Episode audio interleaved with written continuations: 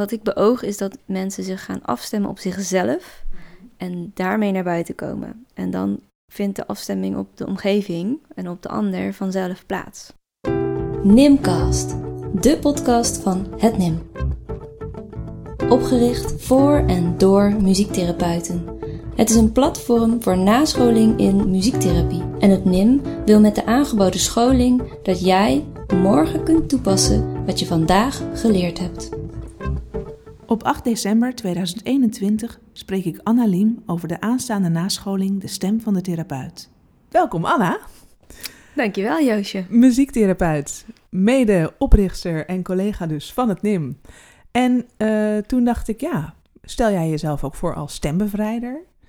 Of niet, of wel? En dus dat is meteen mijn eerste vraag. Wat een mooie vraag, wat een mooie vraag. Ja, ik, uh, ik zit daar in, uh, in het begin was ik daar enorm in, een identiteitscrisis. Uh, want ja, ik voel me zowel muziektherapeut als stembevrijder. Wat voor mij uitmaakt is dat ik ben niet dat wat ik doe, zeg maar. Ik ben gewoon Anna. En, of mijn naam is Anna. Um, en ik geef muziektherapie. En ik gebruik daarbij stembevrijdingselementen. Misschien is dat wel ja, dat is denk ik het meest dekkend. Ja, oké. Ja, want uh, wij, wij zitten hier samen voor deze podcast omdat er een, een nascholing aan gaat komen, de stem van de therapeut. Uh, maar die nascholing, ja, die heeft al, die heeft al een beetje een lange aanloop. En um, dat had met allerlei praktische dingen te maken, zoals uh, de komst van corona. Maar um, ook merkten we dat het heel veel reacties opriep. Ja, zowel intern bij ja. ons. als, uh, als, als, van uh, als vanuit collega's. ja, uit het werkveld. En uh, ik dacht, ik poneer ze even een beetje en dan ja, gaan we het er gewoon over hebben.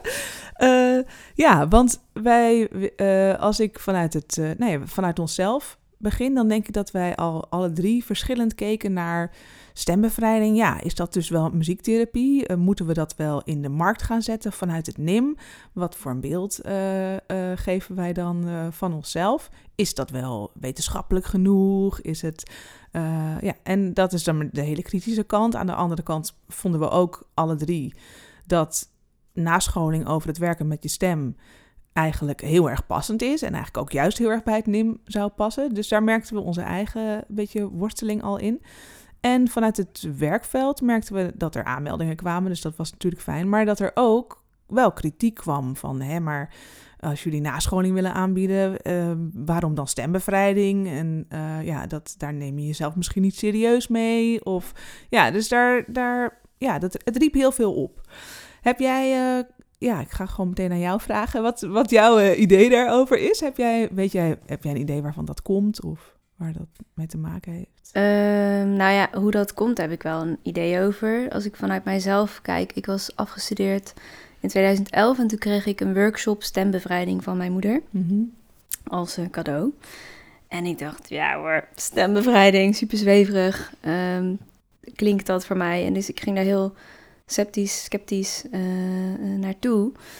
En um, toen ik daar eenmaal was en heel die dag uh, stemwerkoefeningen had gedaan en um, uh, de processen van mijn mede-groepsgenoten zag um, en mijn eigen proces er ervaarde, dacht ik, wow, voor mij is dit de essentie van muziektherapie. Mm. Alleen Jan Korti, degene die het woord stembevrijding heeft bedacht, maar eigenlijk is het gewoon stemwerk, mm-hmm. die, die onderbouwt dat totaal niet wetenschappelijk. En die, die doet daar ook geen onderzoek naar. Dat is ook helemaal niet zijn, zijn, zijn, uh, zijn passie of zijn ambitie. Maar ik denk dat er wel um, heel veel consensus over is. Ja. Dat, het, dat er zeer wer werkzame elementen in zitten die zeer therapeutisch zijn. Ja. Maar goed, jouw vraag was van de, hoe komt het, denk je, dat, uh, dat stembevrijding zo kritisch ja, dat bekeken zo... kan worden? Precies. En het antwoord is denk ik omdat er gewoon geen wetenschappelijk onderzoek naar is gedaan. We komen later in deze podcast terug op het spanningsveld tussen stembevrijding en muziektherapie. Maar eerst vraag ik Anna waarom zij in het gebruik van de stem de essentie van muziektherapie ziet. Dus dan moeten we eerst even de definitie van wat is dan stemgebruik uh, ja, nou oké, prima. Inderdaad. Dan, dan, dan, dan stel ik er een vraag voor. Wat, wat is de definitie dan van je stem gebruiken? Want ik denk gewoon praten in therapie is ook je stem gebruiken. Mhm. En ehm, jezelf reguleren door bijvoorbeeld te zuchten, al dan niet met stemgeluid, mhm. ehm, is ook je stem gebruiken. Uh, en zingen is natuurlijk ook je stem gebruiken. Ja. En ik denk dat er heel veel muziektherapeuten, dat er gewoon heel veel winst te behalen uh, is op het gebied van waar ben je nou vrij en onvrij in het gebruik van je eigen stem. Op, op, in de breedste zin van het woord. In het vrij zuchten met een cliënt erbij. En hoe kan je dat, dat kun je gewoon inzetten en jezelf daar tegelijkertijd mee reguleren. Dus, um, maar ook het zingen. Ik ken heel veel muziektherapeuten die het heel spannend vinden om te zingen. En ik denk dat het wel heel goed is om, om daar in ieder geval aandacht aan te besteden. Um, maar het is ook afhankelijk van hoe belangrijk je het zingen maakt in therapie. Want er zijn genoeg muziektherapie-methodes waar helemaal geen zingen aan te pas komt. Dus het is ook een beetje maar net hoe je hoe, wat je eigen werkstijl is.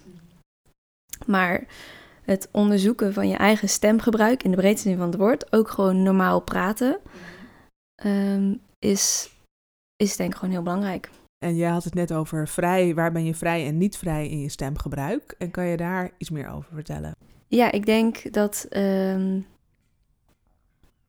dat er gewoon een heel erg groot parallel is in je stemgebruik en je dagelijks leven, zeg maar. Hè? Dat is gewoon het analoge procesmodel. Mhm. Ehm, en als je dus ontdekt uh, wanneer je vrij of onvrij bent, dan kun je daar heel veel meer bewust van worden en dus veel meer bewuster op handelen. En misschien kan je het dan ook um, als voorbeeldfunctie gebruiken bij je cliënt. Mm of herkennen bij je cliënt. Ja. En ik denk hoe vrijer ik ben in mijn stemgebruik, hoe vrijer ik dat kan aanbieden. En hoe meer dat een uitnodiging kan zijn voor de cliënt om, om dat ook te doen. Ja. En waarom dat zo belangrijk is, is omdat ik denk dat daar de. Ja, er zijn. Je hebt twee verlangens als mens. Mm Jezelf zijn, dat is de eerste, maar dat vooral in contact met een ander. Ja, dus we kunnen heel goed autonoom zijn als we alleen zijn. Mhm. En, uh, want dan hoeven we ook geen verbinding te maken. Maar als, het, als dat in contact wordt gebracht, dan komt het spannende. Ja. En dan kom je dus ook dat onvrije tegen, ja. of het geremde. En, um, en ik voel het als een noodzaak om gewoon dat, dat autonome stuk in verbinding, in die hechting, mm ja, te stimuleren bij mensen. Ja. Ja, het is eigenlijk wel grappig wat je vertelt in het, in het begin over het vrij en niet vrij zijn, bij jezelf kunnen merken. Uh, ik denk eigenlijk dat we als muziektherapeuten best wel vaker naar ons eigen spel kijken en daarop reflecteren en kijken wat zegt nou wat er, hoe ik, hoe ik speel, over wat hier gebeurt in mijn sessie. En grappig is dat het kennelijk zweverig wordt als dat instrument je stem is. En niet je piano of... Uh, want dat is, dat is, als we de kritiek horen, hè, dan, dan komt het daar een beetje naar, naar, gaat het daar een beetje naartoe, inderdaad, dat, dat het zweverig is. Ja, nou ja, en, en eh, ja, als we het dus hebben over dat zweverige, dan um, uh, kan ik me ook voorstellen, de, de, en als je het hebt dan specifiek over stembevrijding, dus niet stemgebruik, um, bij stembevrijding word je heel erg um, overal worden natuurlijk gewoon bepaalde definities gebruikt. En bij stembevrijding is de definitie ego en ziel. Waar het in de schematherapie gezonde volwassenen is en uh, de schema's bijvoorbeeld. Ja. En dan wordt het ook al misschien zeverig of spiritueel gezien. Of uh, ik denk dat het in de terminologie ook zit. Ja, ja en ik denk ook dat er. Um, maar dat is nu mijn eigen visie. Hè, dat vanuit de opleiding uh, wordt er heel erg gehamerd op, uh, vanuit muziektherapieopleiding, op uh, wetenschappelijk onderzoek. En dat is natuurlijk gewoon heel erg in opkomst. En we, dat er een soort, ik denk dus dat er een soort collectieve pijn zit bij muziektherapeuten, of een hmm. angst over dat wij worden weggezet als een zweverig beroep. Ja. En we willen nu juist heel erg die vertaalslag maken naar de, naar de reguliere. En mm stembevrijding loopt in die zin dus nog een soort van achter Ja. hè, tussen aanhalingstekens. ja. En is er dan de angst dat mensen zeggen, ja, maar een stembevrijder, weet je, brengt dat ons vak in het gevaar of de kwaliteit van de muziektherapie? Ja, ik, ik denk, ja, dat zou goed kunnen, maar dat weet ik dus niet zo nee, goed. omdat- nee jij zit, jij, voor jou is het niet, nee, ja. is dat niet zo? Nee, Ja. het enige wat ik heel erg merk is dat ik denk, ja, oké, een stembevrijder is echt geen muziektherapeut. Nee. Die gaat geen behandelplan opstellen en doelen en eh, die werkt veel vrijer in die zin dat het, als jij, het idee daarachter is, als jij een doel gaat ehm, opstellen, dan ben je bezig met het resultaat, waar het bij stembevrijding heel erg de nadruk ligt op het proces en dat je niet weet wat het resultaat is, dat je heel erg vertoeft in het niet weten. En dat je dat niet weten, dat in het niet weten komen we vaak dat onvrije tegen. Want we willen controle over het moment en we willen het wel weten. Ehm, en het niet weten is onzeker. Maar het gaat dus over vertoeven bij dat niet weten. En Ja. ik als muziektherapeut zou dan zeggen, nou, kunnen verdragen, je eigen onzekerheid kunnen verdragen. Dat, is, dat zou dan een doel kunnen zijn, Ja, wat mij betreft. Hè? ja, wat ik zo fijn vond aan de stembevrijdingsopleiding, is dat je eh, heel erg dus naar jezelf kijkt als muziektherapeut. Dat wij komen ook tijdens de sessie continu het niet weten tegen. Mhm. Tenminste, ik wel. En ik neem aan, heel veel muziektherapeuten ook. Omdat, ja, je kunt van alles van tevoren bedenken, maar het gaat altijd anders dan dat je, ja, dan dat je had bedacht. ja.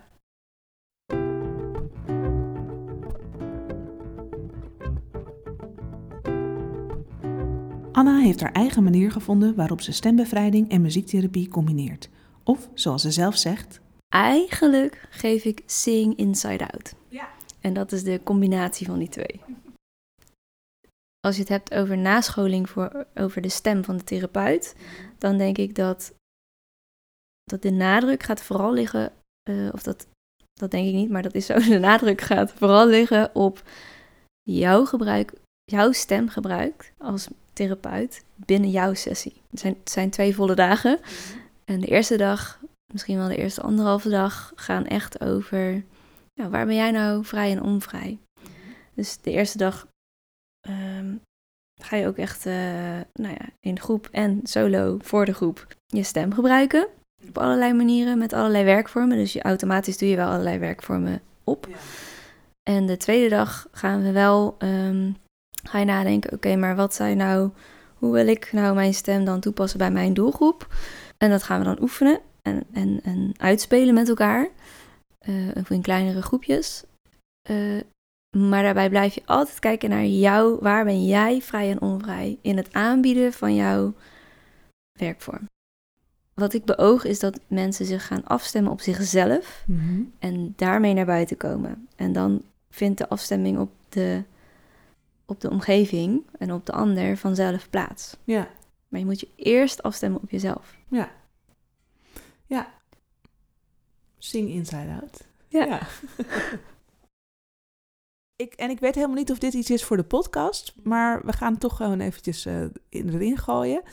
Mijn, ja, vrees is een heel groot woord ervoor, maar als ik denk aan een, aan een nascholing over de stem, dan denk ik, oh nee, het is toch niet dat ik dan allemaal hele rare geluiden moet gaan maken en dat ik dat, en dat, ik dat heel bevrijdend moet vinden. Oh ja, ja, ja, ja. Ik, ik weet niet of je dat, maar ja, ik, ik, ik, ik, ik weet niet ja, of je dat wel eens hebt meegemaakt of herkent. Ja, ik vind het een fantastische Ehm, vraag. Ja, dus, dan, dus dan iets houdt mij tegen, hoewel ik ergens ook... eh, ik, ik, ben, ik ben heel benieuwd en ik ga ik ga ook meedoen, dus ik, eh, ik ga het eh, gewoon helemaal tegemoet treden. Maar er zit zo'n beetje zo van, oh, oh ja, ik, ik heb ook wel van die workshops of dingen meegemaakt... waarin je dan heel gekke geluiden, en dat is heel vrij. Terwijl ik denk, ja, maar dat zou voor mij helemaal niet Nee. vrij zijn. Ja. Dus dan denk ik, oh, is, gaat het zoiets zijn? Of, ja. Een mooie vraag. En ik denk ook een heel herkenbare vraag voor anderen. Ehm, en dat is eigenlijk ook misschien wel het beeld wat ik had toen ik die workshop Mhm. voor de eerste keer kreeg van mijn moeder. Van Ja. stembevrijding. Oké, en waarvan moet ik dan bevrijd worden? Weet je wel? En, en ik denk dat je dat heus wel vrees kunt noemen. Noem het gewoon. Ja, dat is Mhm. gewoon een, een vreesje. Ja. Ehm, en dat is juist zo mooi, want dat is dus, dan kom je bij het niet weten. Je Ja. weet niet wat je aangaat en het is, voelt onzeker. En En je hebt dan verwachtingen. Wat er gebeurt is dat jij verwachtingen krijgt. Mm Van, oh ja, dus dan moet ik dat dan straks fijn vinden en bevrijdend en vrij vinden om gekke geluiden te maken. Ja. En dat is precies waar het over gaat. Ja. Uh, en dan gaat het dus over, oké, wat gebeurt er nu bij jou? En kan je vanuit daar geluid maken. Ja, ja.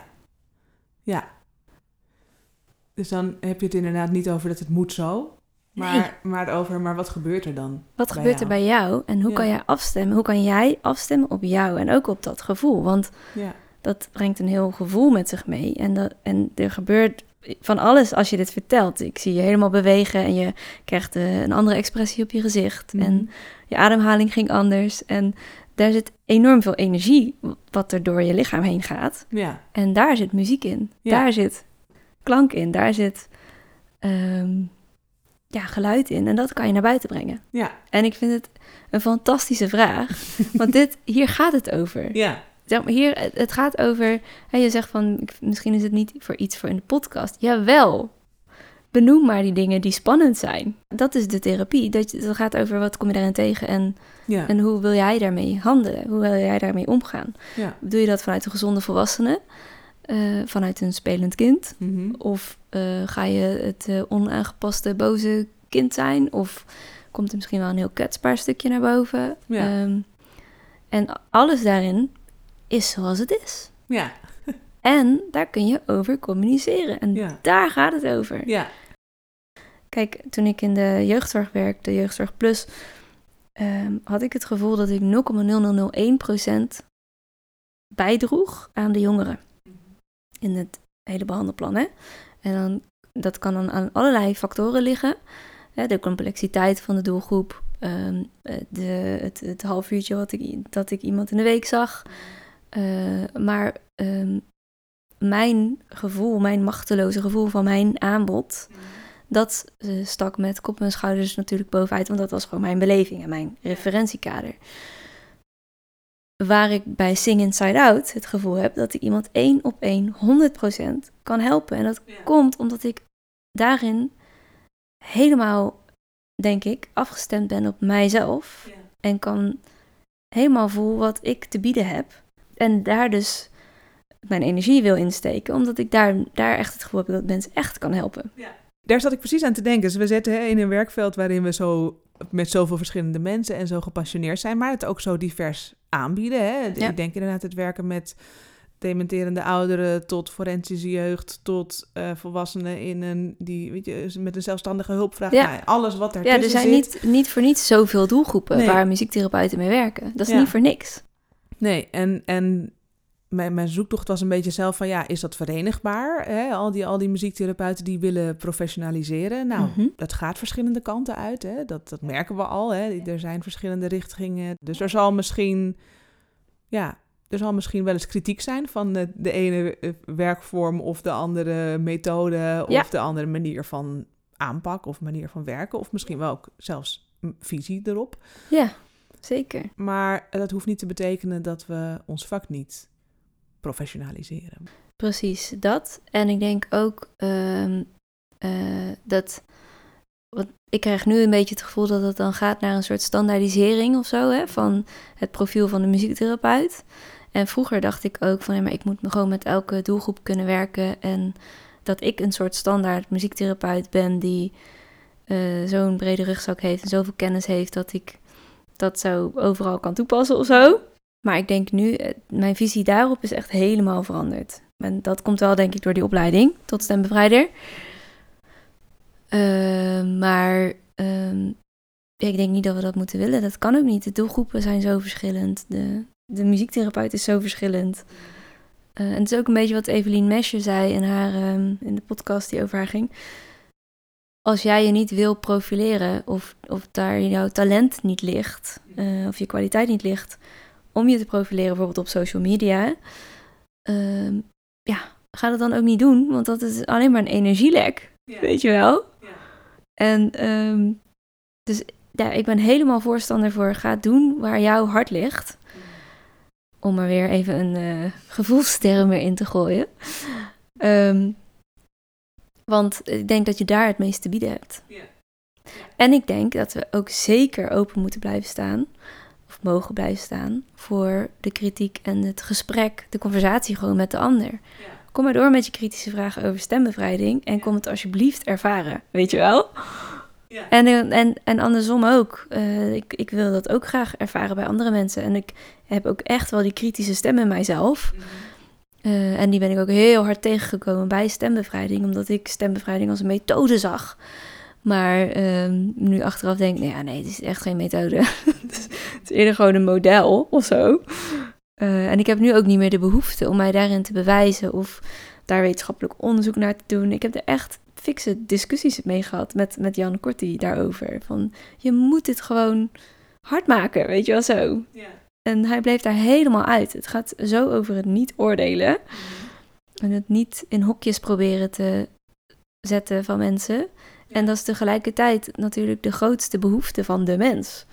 Controle hebben en uh, ja, weet, gewoon willen weten. Ik ben heel benieuwd. Ik merk in dit gesprek ik, ik, dat ik zo de hele tijd denk... oh ja, ik ben er helemaal in mee. En dan weer denk... oh, maar er komt ook mijn eigen kritiek ja, ja, ja. boven. Maar hoe zit dat en dat en dat? Ja. Nou ja, dat, uh, dat ga ik dan allemaal onderzoeken. Ja, ja mooi. Jan Korti die heeft wel eens gezegd... Uh, stembevrijding geven aan muziektherapeuten... Dat is de lastigste doelgroep. Ja, dat kan me wel voorstellen. Ja, want die zitten gewoon lekker kritisch te mhm. zijn. En, uh, maar dan ga je dus heel erg in je hoofd zitten. En het gaat juist om die ervaring. Ja, uh, grappig eigenlijk, hè? Terwijl je ook als muziektherapeuten... Kennelijk zitten we dan toch kennelijk heel erg in ons, in ons hoofd. Terwijl we ook zo geschoold zijn om in, in interactie te zijn, in, uh, in de muziek te in zijn. Contact maken in, in de muziek. Ja. Ja. ja. ja, en dat vind ik zo grappig, want ehm, in het medium kunnen we als de beste die liefde zijn, zeg maar, de, de gezonde volwassenen zijn, die ziel zijn. Ja. Uh, maar we hebben zo, er wordt zo op gehamerd, ook logisch hoor, wat ik ook echt logisch vind, om, uh, om die vertaalslag te maken naar de buitenwereld toe. Mm -hmm. de zorgverzekeraars, de multidisciplinair team, de, de cliënt zelf. Um, op de opleiding hebben we echt heel erg geleerd om in het medium niet te focussen op het resultaat. Terwijl we eigenlijk super resultaatgericht moeten werken vanuit de maatschappij. Ja. En um, hebben we dus eigenlijk heel erg geleerd om van buiten naar binnen te werken. Ja. En bij stembevrijding of Sing Inside Out gaat het van binnen naar buiten. Eerst afstemmen op jezelf. Ja. En dan naar buiten. Mooi. Je hebt het gehaald tot het einde van de podcast. Dankjewel voor het luisteren. Wil je iets met ons delen? Heb je tips of feedback? Mail dan naar post.hetnim.nl. We hopen natuurlijk dat je dit deelt met al je collega's. En voor inschrijving en de laatste informatie over de nascholing De Stem van de Therapeut ga je naar www.hetnim.nl. Tot de volgende Nimcast. Is de stembevrijding eigenlijk altijd langzaam? Prachtige vraag. Fantastisch. Is dat nu jouw beeld van stembevrijding? Nee, ik, ik vroeg het me gewoon oprecht af.